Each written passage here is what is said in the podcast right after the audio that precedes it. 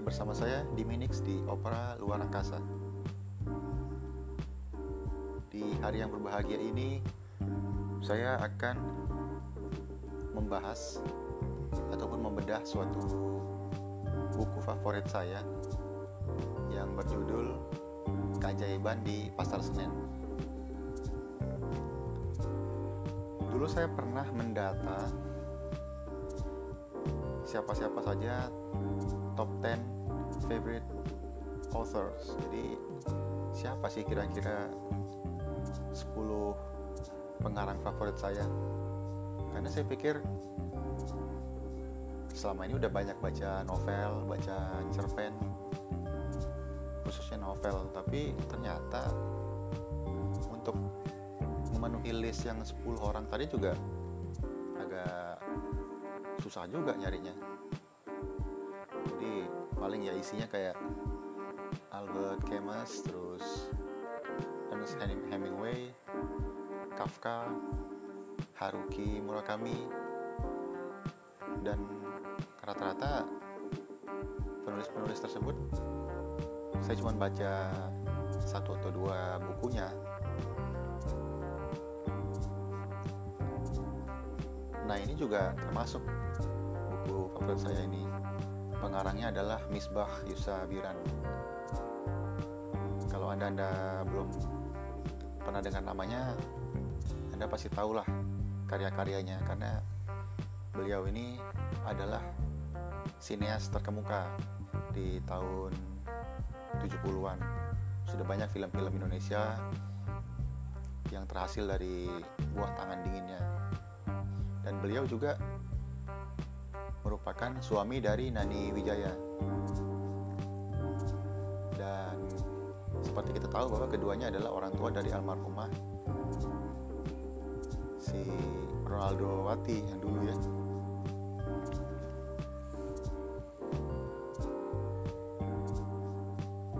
Keajaiban di Pasar Senen ini adalah sebuah kumpulan cerpen sebenarnya. Banyak cerita-cerita pendek berlatar tahun 50-an di Jakarta. Ketika itu Haji Misbah Yusabiran masih muda lah ya, masih muda kita bilang, masih bekerja sebagai wartawan muda dan sering mengisi artikel di koran maupun majalah. Jadi ketika itu seni dan budaya seni dan budaya, budaya di Indonesia tengah berkembang pesat. Dari tahun 55 sampai tahun 60-an awal itu banyak sekali katanya pementasan-pementasan teater sajak drama, puisi dan sebagainya yang dipusatkan di Pasar Senen. Kebetulan waktu itu Bayu Sabiran juga ngekos di daerah sekitarnya. Jadi dia sering bergaul dengan teman-teman seniman.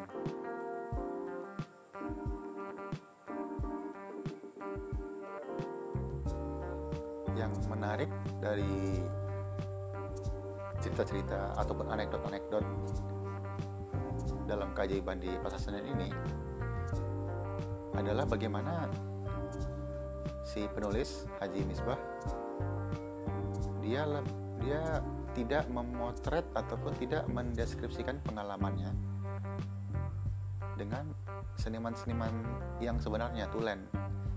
Tapi dia lebih menitik beratkan ataupun dia lebih suka mengambil sudut pandang orang-orang yang pura-pura dalam tanda dalam tanda kutip pura-pura menjadi seniman.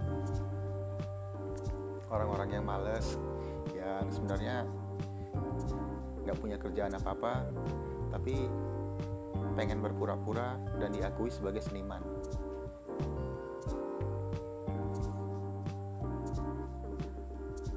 Memang pada kata pengantar di awal cerita memang di situ disebutkan bahwa memang banyak lah seniman-seniman yang berhasil dan berkumpul di era tersebut di era 50-an dan juga mereka terpusat di Pasar Senen. Bahkan katanya dulu Khairil Anwar juga masih sempat malam-malam jalan-jalan ke sekitar daerah itu. Terus kayak Soekarno M Nur ya banyak lah. Dan saya juga sebenarnya nggak ini nggak nggak ada di saya bukunya karena bukunya ditinggal di Medan. Dulu saya beli buku itu tahun 2008 saya ingat. Jadi ketika itu saya masih di Malaysia kuliah S1 kemudian saya balik ke Medan libur kuliah dan pergi ke San Plaja sama teman saya waktu itu mulai suka menggali cita-cita sastra-sastra lama. Kayak contohnya Tales of Two Cities atau 100 Years of Solitude. Saya pergi ke Gramedia ditemani sama beberapa orang kawan saya. Terus kami lihat buku dan saya mencari di bagian buku yang bukan buku-buku terbaru saya cari buku-buku lama memang sengaja. Ada satu buku yang lumayan tipis. Dan saya ngeliat di bagian belakangnya deskripsi dari apa yang diceritakan di buku itu dan saya tertarik. Pas pula harganya juga nggak mahal kan? Terus kami keluar cari tempat minum dan selagi ngobrol-ngobrol saya langsung saya buka bukunya dan saya baca sekilas. Terus bukunya hilang. Nggak berapa lama lah.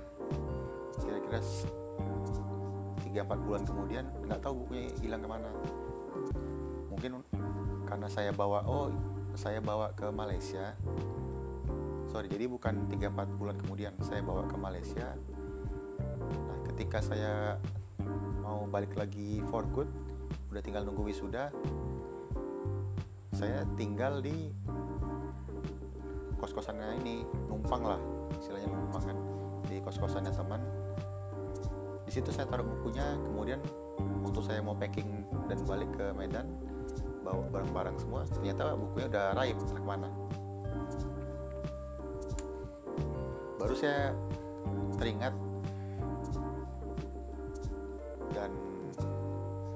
ketika saya sampai Medan sebelum saya wisuda itu saya sempat cari-cari lagi kan. Ternyata nggak ada. Terus saya lanjut pindah ke Bandung untuk S2 saya cari juga di Gramedia sana nggak ada. Iseng-iseng waktu itu suatu hari saya googling lah kan googling cari mana tahu ada yang jual di online store. Eh ternyata ada di Bukalapak. Dan harganya juga nggak ini nggak mengalami perubahan yang signifikan kan? Sekitar 50 ribu dulu saya beli pertama tahun 2008 harganya masih tetap. Saya pesan sampai ke kos-kosan diantar dan kondisinya memang masih bagus memang masih baru. Di waktu itu saya sangat gembira dan antusias membaca bukunya walaupun saya udah tahu lah udah hafal isinya apa, apa aja. Ada beberapa yang bagi saya sangat berkesan. Contohnya kayak yang pertama itu tentang seseorang yang bergaya hidup bohemian. Dia tidak mau mencari uang karena katanya uang itu bukanlah sesuatu yang apa istilah dia ya pokoknya dia dia di situ dibilang si Isbah dia adalah si kawannya ini adalah penganut paham optimisme. Jadi dia si temannya ini berpikir semua yang bernyawa itu pasti masih memiliki masih memiliki uang gitu kan. Kira-kira gitu. Terus si misbahnya nanya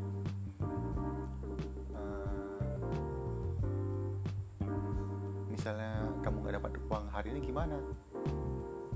Ya udah aku harus mati kata si temannya. Akhirnya karena si Misbah nggak tega dikasihnya lah duit buat, buat beli rokok kan. Beli rokok. Terus uh, situ saya saya agak ini agak lupa kelanjutan gimana itu. Tapi saya palingnya di bagian itu aja ada oh ada lagi tentang pelukis abstrak. Dia nggak pernah laku tulisannya. Namanya si oh ya namanya si Rebin dia nggak pernah laku terus teman-teman yang lain pelukis juga nggak tahu ini lukisannya aliran apa. Tapi dia nggak peduli. Dia bilang Picasso juga ngelukis ngelukis saja orang yang bilang setelah itu alirannya adalah ini Van Gogh juga tinggal ngelukis ngelukis saja memang lukisan aku ini nggak ada aliran. Mau apa kalian? Aliran lukisanku adalah rebinisme jadi kalian mau apa? Kata gitu. Suatu hari diajaklah si Rebin ini pameran. Karena teman-teman pelukis yang lain sering menertawakan si Rebin akhirnya si Rebin juga ini kan agak males-malesan tapi katanya wah ini peluang yang nggak boleh dilewatkan gitu aja. Ya udahlah. Ternyata benar. Di hari pameran tuh semua orang pelukis-pelukis lain juga ngetawain dia dia sabar aja. Sabar. Nah waktu dia lagi meleng ada satu temannya yang iseng lah ya iseng ditebalikkan ya lukisan si Rebin ini digantung terbalik. Habis itu ada pula satu pelanggan dia keliling-keliling lah kan di galeri itu nyari lukisan. Nah pas dia berhenti di depan lukisan si Rebin dia tertarik tiba-tiba ngerasa tertarik dan si Rebinnya nggak nggak tahu nggak sadar. Dia masih pergi ke lukisan lain kan ngobrol-ngobrol sama tamu-tamu yang lain. Dia nggak nggak kalau ada satu kawannya kalau ada satu kawannya yang udah iseng ngebalikin tulisannya ngebalikin lukisannya si Rebin. Nah pas dia balik ke lukisannya langsung si calon beli ini nanya bapak yang nulis ini ya? Iya. Berapa bapak jual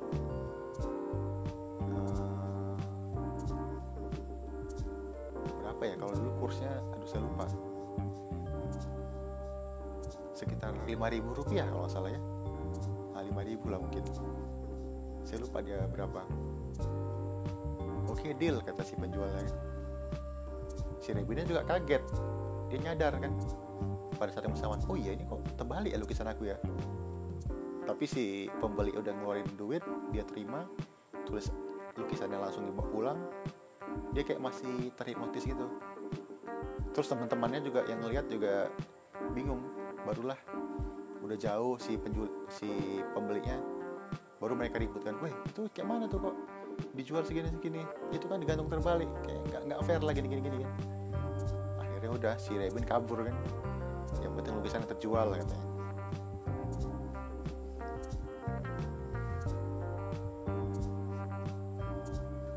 terus ada lagi di cerita terakhir si Misbah lagi duduk-duduk ngopi sama seorang mantan orang apa istilahnya orang wayang. Jadi pemain teater pas zaman penjajahan Belanda. Waduh dia terkenal katanya. Waktu di cerita ini si pemeran teater itu udah jadi kayak kakek katanya udah oh jadi opa-opa.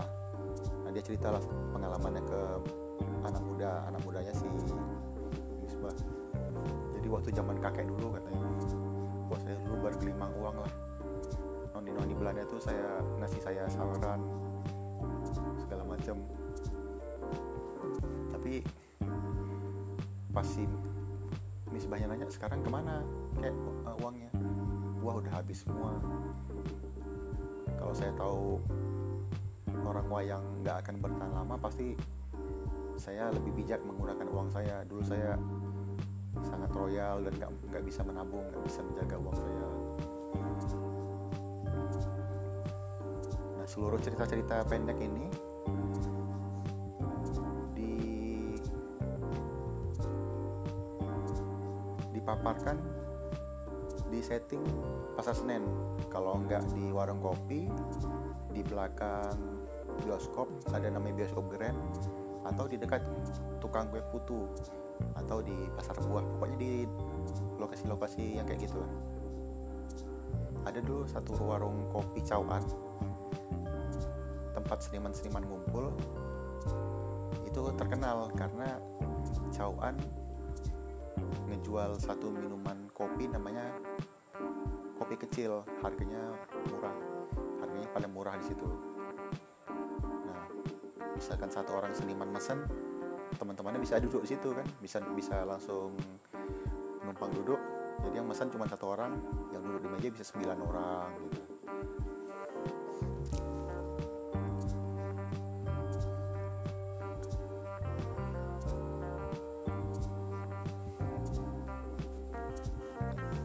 saya kebetulan juga baru nonton nih baru-baru aja lah. Setengah jam lalu nggak salah.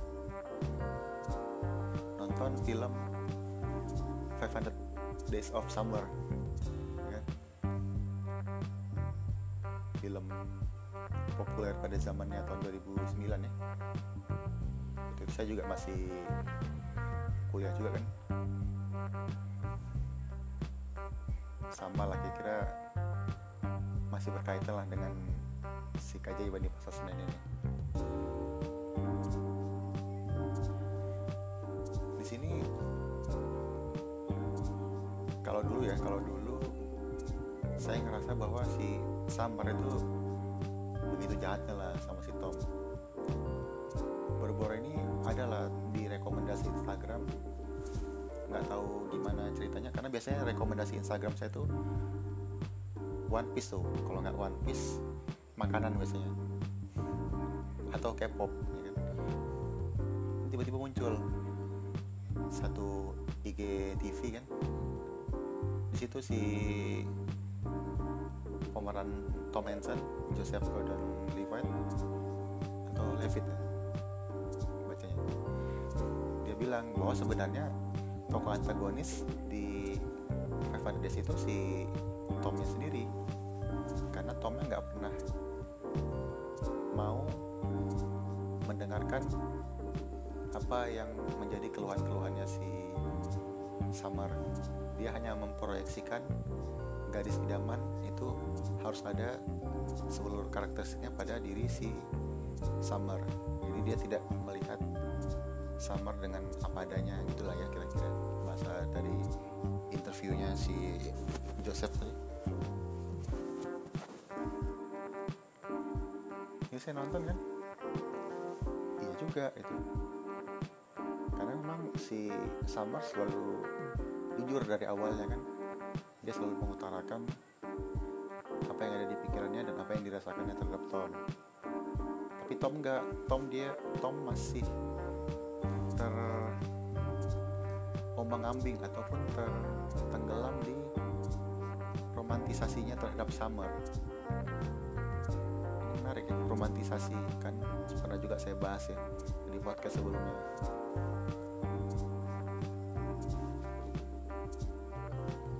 Satu sisi para seniman-seniman yang diceritakan dalam keajaiban di pasar Senen mereka mereka juga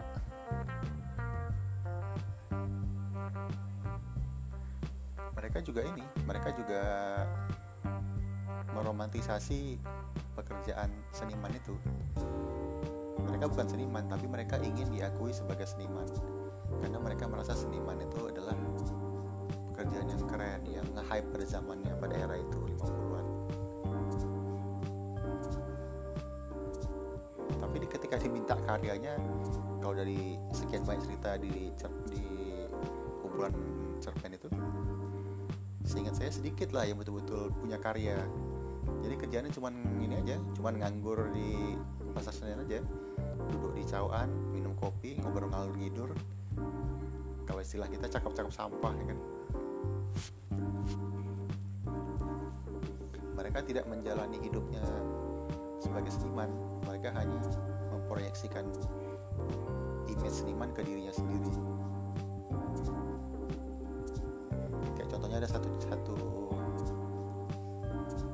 cerita lagi tentang penulis sandiwara.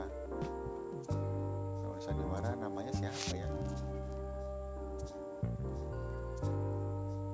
Samsul atau siapa gitu. Dia nggak pernah nulis sandiwara tapi dia merasa dirinya adalah seniman sandiwara. Jadi dia selalu ikutlah di obrolan di gede kopi jadi penulis sandiwara sekarang. Pementasan teater udah mulai surut. Sekarang trennya lebih ke apa? Tulis cerita detektif. Tiba-tiba datang temannya yang editor. Surat kabar. Ya udah sinilah. Mana naskah sandiwara kau? Biar aku terbitkan. Bingung masih Samsul ini kan. Karena dia nggak pernah bikin. Belum pernah nulis sebelumnya dia cuma pernah dengar cerita-cerita orang aja. Akhirnya itulah yang bilangnya lagi. Nah aku sekarang memang sekarang tuh nggak ada katanya kata si Samsul tapi ceritanya itu gini gini gini gini. Kalau ceritanya itu cerita yang dia dengar dari orang lain. Kita balik ke si Tom Hansen dari awal kan sudah dipaparkan ya. Kalau Tom Hansen ini masa kecilnya dibanjiri oleh musik-musik yang melankolis. Musik-musik tentang patah hati dan romantisasi dari cinta sejati gitulah ya kalau kita bilang.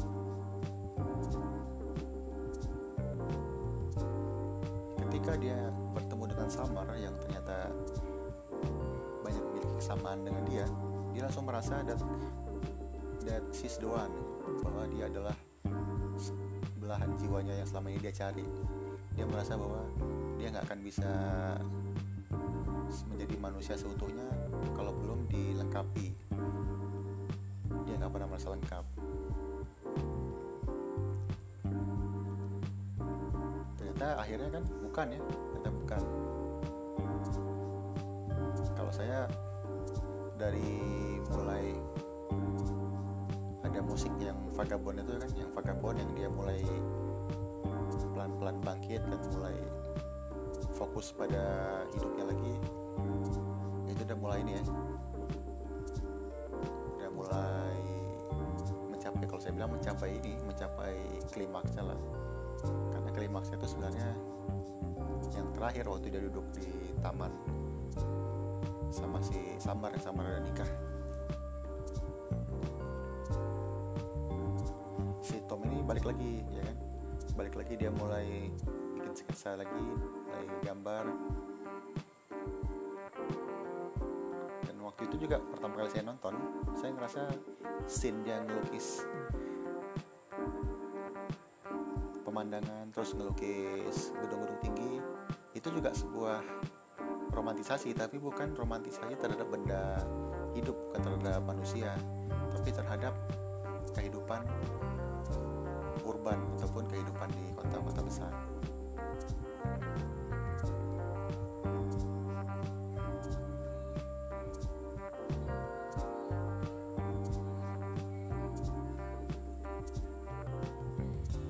Apakah era 50-an itu bisa kita bilang sebagai suatu era yang romantis? Karena begini romantis itu kan sebenarnya aliran abad ke-18 ya yang mengagung-agungkan perasaan dan juga menomorduakan logika rasional.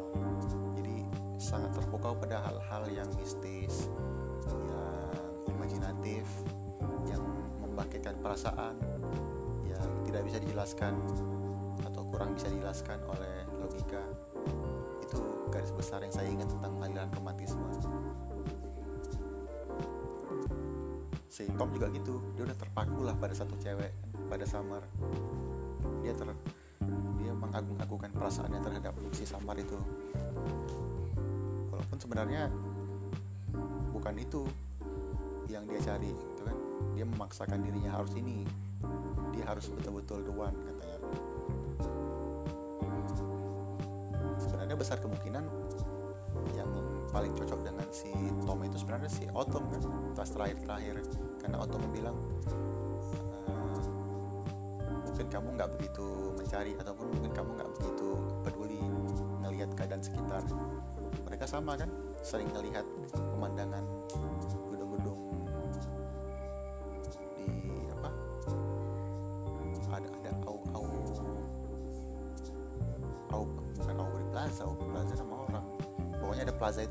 dia duduk itu kan di kursi besi itu.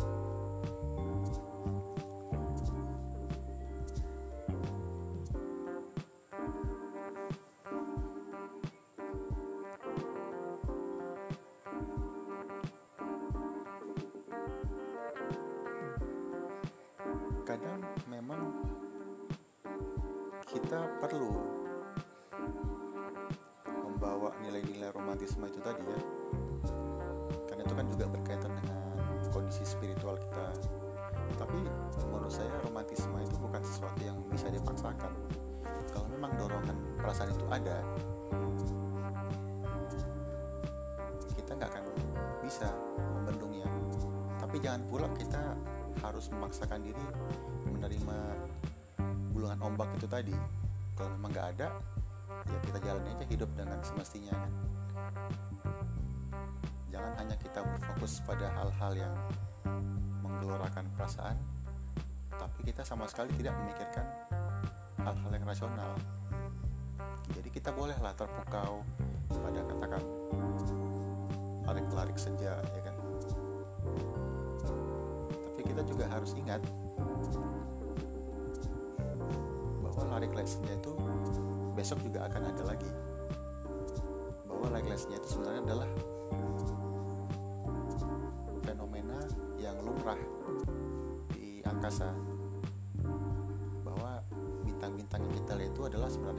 planet-planet kita boleh saja berfantasi. Apalagi orang dulu ya orang-orang Yunani kuno itu kan menamakan dewa-dewi mereka dengan planet-planet ataupun sebaliknya. Boleh saja tapi bukan berarti kita melupakan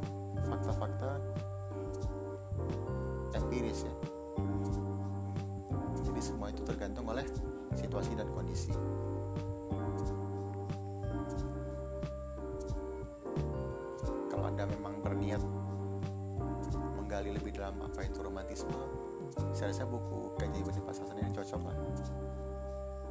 Dia memiliki nuansa yang mirip-mirip dengan Heaven Days of Summer ini. In way ya in way. Jadi kita akan terhanyut ataupun akan tertarik lagi ke era tahun 50-an di mana banyak seniman-seniman yang excited seniman itu sendiri. Dan bergiat um, berusaha ya berusaha mengeluarkan karya. Kadang memang karya itu belum keluar ya. Mereka adalah upaya mereka. Setidaknya di identitas mereka itu tercantum. Oh saya ini seniman. Kalau si Tom itu kan sebenarnya dia memang sadar bahwa dia itu suka dengan dunia arsitek arsitektur. Cuman keinginan itu bangkit lagi untuk membangkitkan kecintaannya terhadap lukisan ataupun sketsa-sketsa bangunan-bangunan baru tercetus kembali setelah uh, dia sedikit menarik diri dari gelombang romantisme itu tadi. Dia memakai logikanya dan ternyata kedua hal itu bisa berjalan berbarengan kan? Itulah kira-kira sekian. Dan kita akan bertemu lagi di podcast-podcast selanjutnya. Ciao